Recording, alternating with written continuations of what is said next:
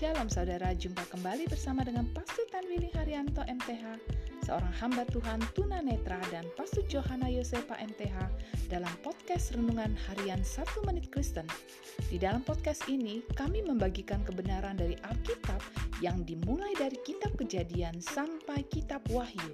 Selamat menikmati.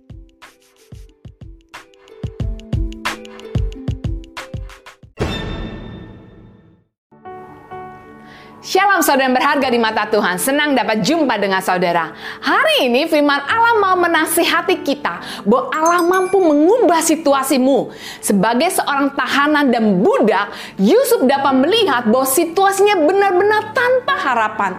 Namun demikian Yusuf melakukan yang terbaik dalam setiap tugas kecil yang diberikan kepadanya. Kerajinannya dan sikap positifnya kemudian diketahui oleh pengawas penjara yang mempromosikannya kepada bagian administrasi penjara. Hari ini, apakah saudara menjalani hidup tanpa pengharapan?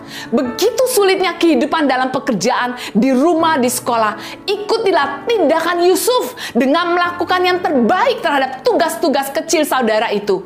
Ingatlah, kalau Allah mampu mengubah situasi kehidupan Yusuf, maka Allah yang melihat usaha saudara, ia pun dapat membalikannya menjadi peluang yang besar bagi saudara. Amin.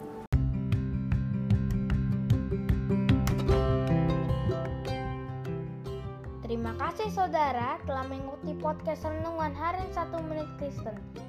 Doa kami, kiranya kebenaran yang saudara terima akan membuat saudara semakin berakar di dalam Tuhan dan bertumbuh dan berbuah lebat di dalam Tuhan. Tuhan Yesus memberkati.